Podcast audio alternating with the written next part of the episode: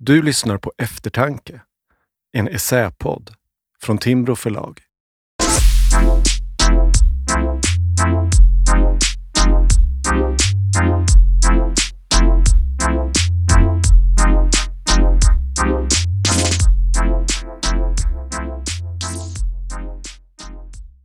I det här avsnittet av Eftertanke ifrågasätter Eva Forslund huruvida hårdare tag i kriminalpolitiken verkligen kommer leda till minskad brottslighet. Vill vi bekämpa gängkriminalitet och terrorism måste vi först förstå dess orsaker, menar hon. De allra flesta, även kriminella, agerar egennyttigt. Men rättsväsendet riskerar att försvagas av en alltför förenklad syn på rationalitet.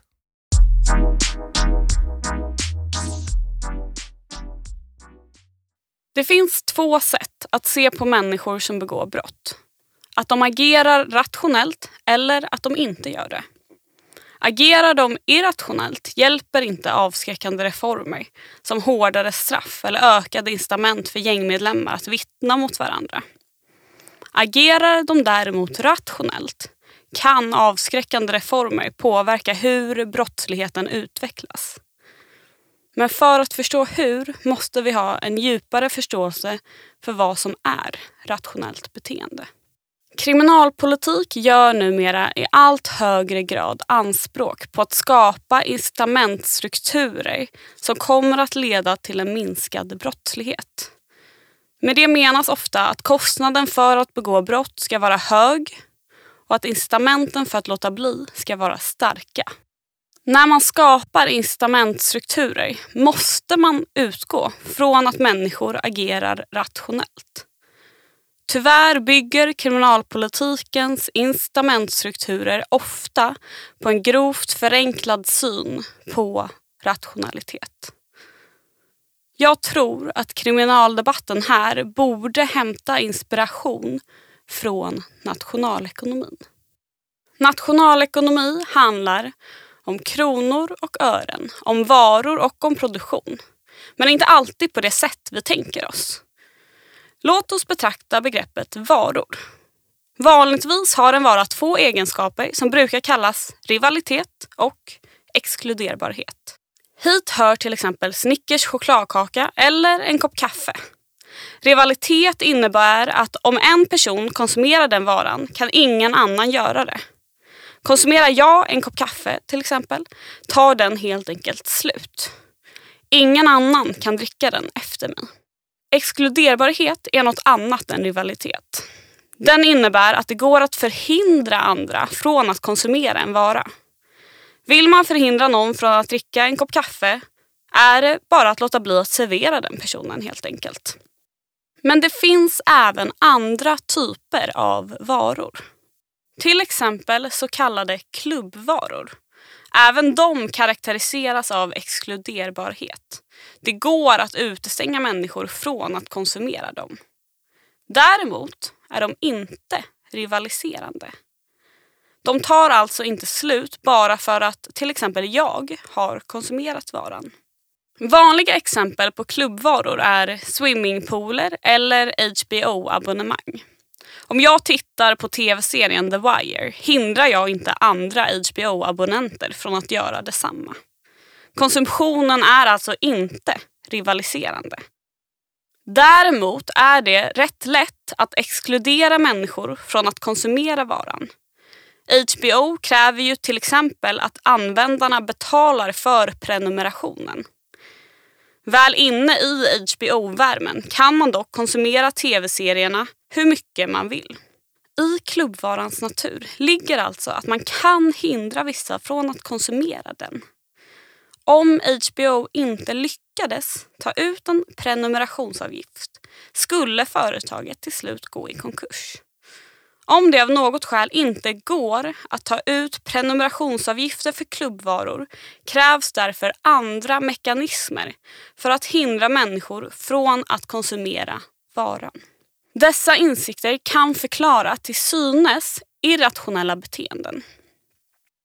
Det menade i varje fall nationalekonomen Lawrence e. Iannacone som undersökte kristna sekter i USA. I den berömda artikeln Religious Markets and the Economics of Religion från 1992 menade han att sekterna skapade ett värde för sina medlemmar och att detta värde inte var rivaliserande. Den som väl var med i sekten kunde alltså ta del av detta värde mer eller mindre utan begränsningar. Värdet kunde bestå av allt från räntefria lån, gemenskap eller matchmaking. Men om människor har obegränsad tillgång till en vara finns det alltid en risk för att de kommer att överkonsumera den. Givet att sekter förser sina medlemmar med något av värde behöver de därför kunna förhindra att människor ansluter sig bara för att ta del av sektens klubbvaror. Man vill helt enkelt, likt HBO, ta ut en prenumerations eller medlemsavgift. Detta gör sekter sällan rent monetärt. Men det finns andra sätt. Ett är att se till att det blir svårare för medlemmar att ha ett välfungerande liv utanför sekten. Sektspecifika ritualer, klädsel och plikter gör det i praktiken svårt för medlemmar att till exempel ha ett jobb. En förlust i form av utebliven arbetsinkomst är en mycket hög kostnad och kan alltså ses som en indirekt medlemsavgift. På det viset skaffar man sig en medlemsbas som är så lojal mot gruppen som möjligt.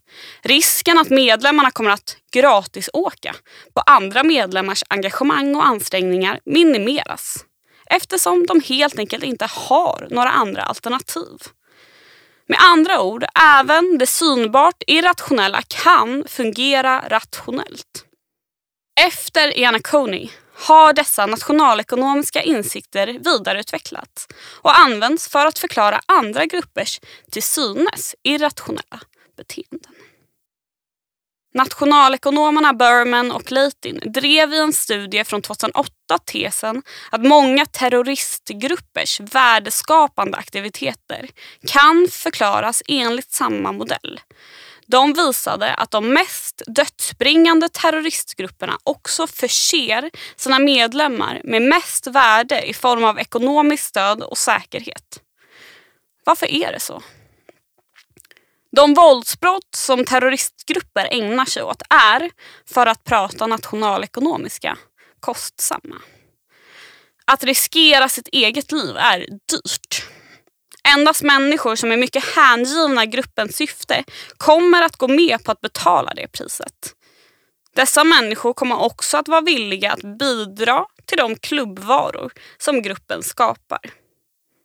Både för människor som vill ansluta sig till gruppen och utifrån terroristgruppens perspektiv är det gynnsamt att hitta mekanismer för att sortera bort de som inte är villiga att bidra till gruppens klubbvaror. Terroristdåd är logistiskt svåra att genomföra. Terroristgrupper måste se till att rekrytera pålitliga personer som inte kommer att hoppa av. För att behålla och förstärka lojaliteten ligger det därför i nätverkens intresse att fortsätta erbjuda medlemmarna klubbvaror. Det här är den rationella förklaringen till varför terroristgrupper som är våldsamma också förser sina medlemmar med mest värde. Ett annat sätt att se på det är om ett terrornätverk förser medlemmarna med något av värde är risken lägre att de kommer att hoppa av nätverket trots det dödliga våldet. Forskningen från Iana Coney och Berman och Leitin avslöjar två saker. Dels att till synes irrationellt beteende inte nödvändigtvis är det. Ibland kommer till exempel behovet av en medlemsavgift till uttryck på sätt som vi inte förväntar oss.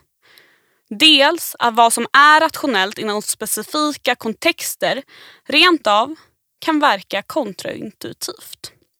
Vad händer då om vi försöker analysera andra kriminella grupperingar, till exempel gängkriminalitet, utifrån samma nationalekonomiska ramverk? Vi vet att gängkriminalitet är förenat med många negativa aspekter, även för de som är med i gängen.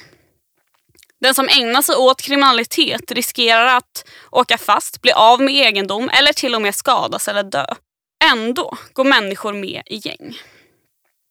Det här kan förstås förklaras med att människor är irrationella, tvingas till att gå med i gäng, inte förstår sitt eget bästa, är blodtörstiga eller helt enkelt omoraliska.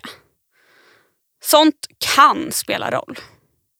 Men vill vi förstå gängkriminaliteten behöver vi också bena ut vad som faktiskt är rationellt beteende inom dessa specifika kontexter.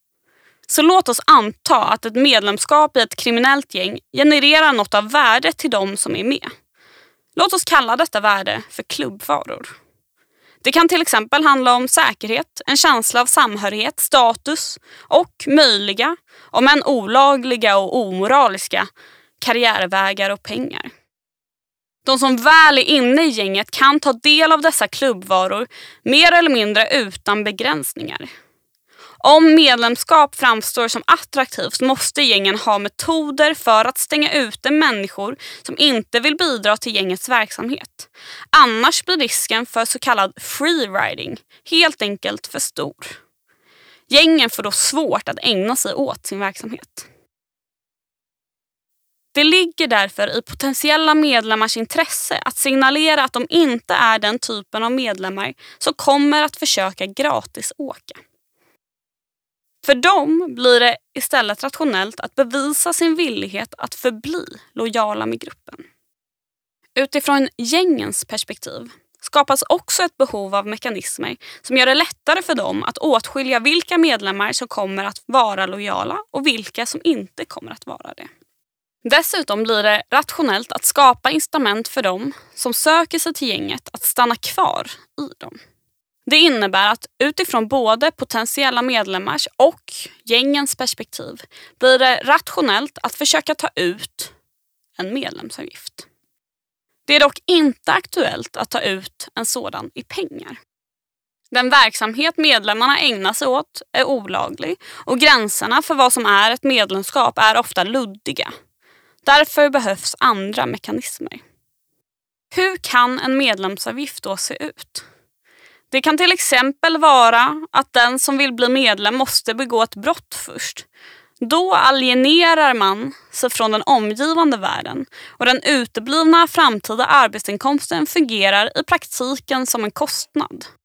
Att bära attribut, specifika kläder eller tatueringar som är starkt förknippade med gängkriminalitet kan fylla samma funktion.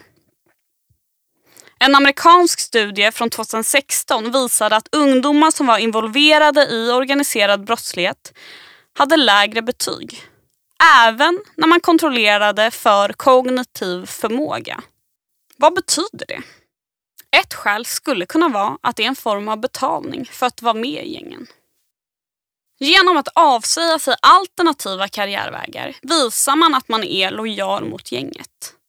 På så vis stänger gängen ute de potentiella medlemmar som inte skulle ha bidragit till gängens så kallade klubbvaror. Det kan förstås också vara så att unga blir del av kriminella nätverk därför att de saknar, tycker sig sakna eller av andra skäl väljer bort andra karriärvägar. Men om det omvända också gäller, att unga avsäger sig alternativa karriärvägar för att signalera att de är lojala mot ett kriminellt gäng. Det skulle betyda att ett till synes irrationellt beteende faktiskt grundar sig i rationella avvägningar.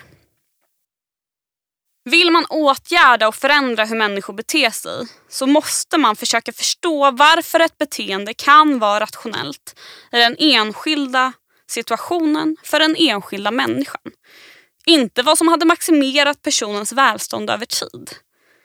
För även om människor ofta agerar rationellt så agerar de för det mesta i situationer, inte i enlighet med livsplaner.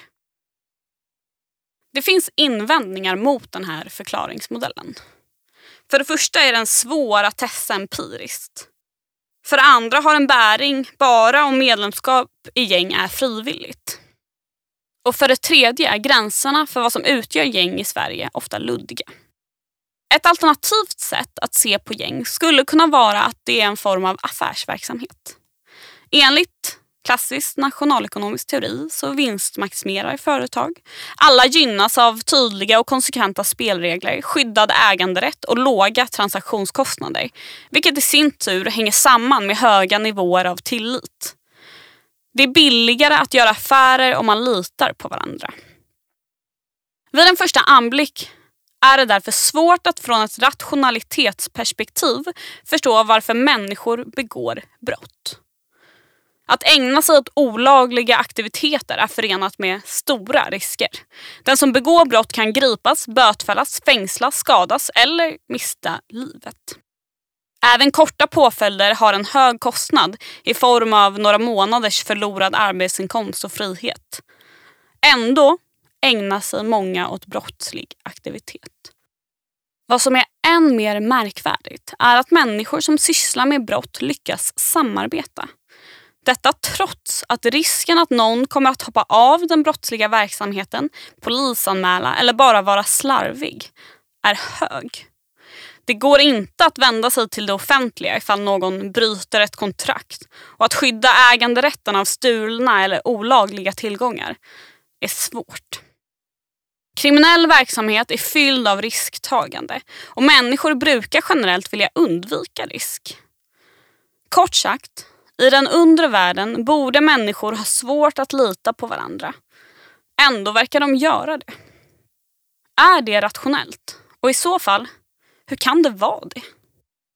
En studie av Oxfordforskarna Paolo Campana och Federico Varese undersöker vilka faktorer som är viktiga för att människor som begår brott ska lyckas samarbeta. Det ska nämnas att de undersöker maffialiknande organisationer som rysk och italiensk maffia. Men det de kommer fram till är likväl intressant. De finner nämligen ett samband. De kriminella nätverk som delar med sig av information om våldsbrott inom gruppen är bättre på att samarbeta. Hur kan det vara så? Det borde inte vara rationellt att öka risken för att själv bli polisanmäld genom att sprida information om de våldsbrott man begått. Det kan det dock vara. Våld fungerar nämligen i den här kontexten som ett sätt att skapa tillit mellan människor som av olika skäl måste eller vill samarbeta. Eftersom det offentliga inte kan säkerställa äganderätt eller verkställa kontrakt måste de som ägnar sig åt olaglig verksamhet skapa egna sätt att se till att ingen hoppar av eller utsätter gruppen för risker. Om man ägnar sig åt kriminell verksamhet litar man mer på varandra om man kan vara säker på att ingen kommer att polisanmäla den andra. Man blir nog mer säker genom att till exempel tillsammans begå grova brott, som våldsbrott. Det är ett sätt att knyta sig själv och sina bundsförvanter vid masten. På det viset får våldsbrott ett instrumentellt värde för kriminella nätverk. De skapar tillit. Forskning om hur våldsbrott rent av kan förenkla för gäng att samarbeta ger oss vissa lärdomar. Det blir tydligt att kriminella nätverk är mycket måna om att kunna lita på att bundsförvanterna inte polisanmäler eller hoppar av. Det blir också tydligt att våld kan ha ett instrumentellt värde, alltså fylla en funktion. Ur detta perspektiv kan man se idén om kronvittnen. Alltså att den som vittnar mot någon som begått ett brott belönas med strafflindring för att den har hjälpt åklagarsidan. Om en person kan få strafflindring för att vittna mot andra gängmedlemmar ökar givetvis sannolikheten för att hen hoppar av gängkriminaliteten. Det är förstås positivt, men det är inte det enda som händer. Ett system med kronvittnen gör det samtidigt svårare för gängen att behålla sina medlemmar. Eftersom gängens verksamhet är riskfylld måste de då hitta ytterligare mekanismer för att urskilja vilka potentiella medlemmar som kommer att förbli lojala och vilka som inte kommer att vara det. Omvänt kommer de som går med i gängen försöka hitta sätt att signalera att just de inte kommer att ställa upp som kronvittnen. Ett sätt att signalera detta är genom att visa sig villiga att begå än grövre brott inom ramen för gängkriminalitet. I nästa led kan alltså reformer som kronvittnen leda till att gängen blir än mer våldsamma. Att kriminalisera gängmedlemskap kan ha en liknande effekt. Det kommer oundvikligen att leda till att vad som är ett medlemskap i ett gäng blir tydligare.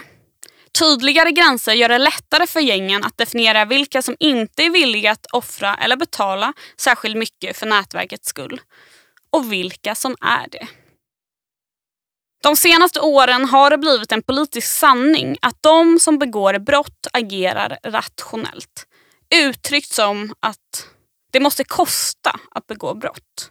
Men om man på kort tid inför tuffare straff, hårdare tag mot gängkriminalitet och förskjuter makt till åklagarsidan genom att till exempel tillåta anonyma vittnen eller kronvittnen så leder det till många oförutsedda konsekvenser.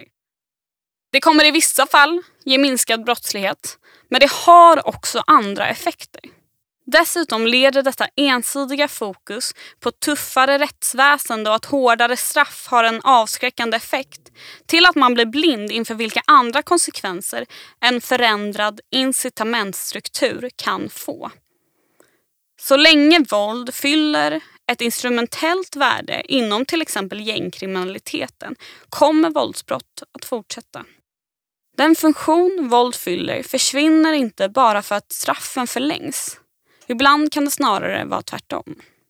Det är inte säkert att förslag som går ut på att öka kostnaden för att ingå kriminella gäng får ett önskvärt utfall. Allt som ökar kostnaden för att gå med i ett gäng riskerar att leda till att de som ändå stannar blir mer lojala och att gängen blir mer sammansvetsade.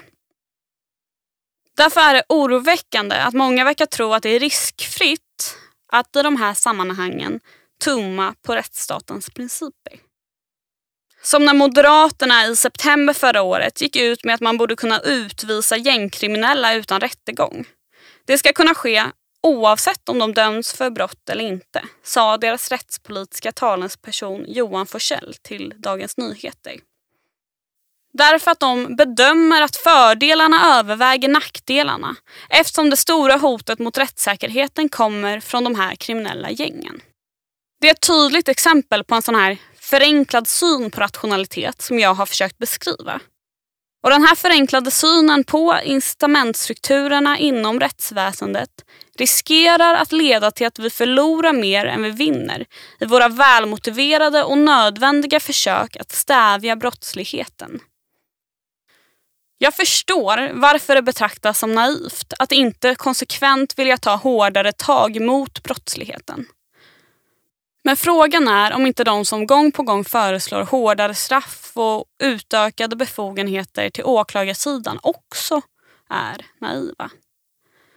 Den typen av reformer fungerar bara om de i ett slag lyckas eliminera all gängbrottslighet. Men givet att det inte går att eliminera gängkriminaliteten över en natt kan reformer som syftar till att skapa friktion mellan gänget och världen utanför leda till att gänget blir bättre organiserat och mer sammansvetsat. Det kan alltså ligga även i gängens intresse att det förs en politik som ytterligare alienerar gängmedlemmarna från resten av samhället. Då är det lättare att vara säker på att de som ändå går med förblir lojala. Istället är det avgörande att man lyckas motverka den typ av friktion som gör gängen mer sammansvetsade. Mer resurser bör läggas på att se över hur man kan ta ifrån våldet dess instrumentella värde. Och hur kan man se till att konkurrera ut det värde som gäng förser sina medlemmar med? Hur ska man balansera å ena sidan det faktum att man vill skapa incitament som avskräcker från att begå brott och å andra sidan det faktum att så länge gängkriminalitet inte helt eliminerats kommer det ligga i deras intresse att potentiella medlemmar alieneras från omgivningen. Ibland kan dessa två mekanismer stå i direkt motsättning till varandra. Det är svåra frågor, men för att svara på dem är det avgörande att inte ha en förenklad syn på människans inneboende rationalitet. Det finns som sagt två sätt att se på människor som begår brott. Att de agerar rationellt eller att de inte gör det. Och finns det rationella förklaringar till varför människor beter sig som de gör så kommer människor också svara på incitamentstrukturerna vi bygger upp. Men inte nödvändigtvis på det sätt som vi tänkt oss.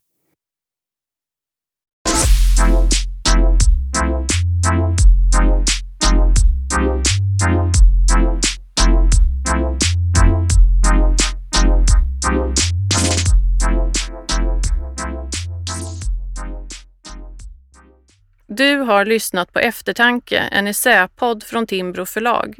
Inspelning, redigering och musik av Johan Skugge.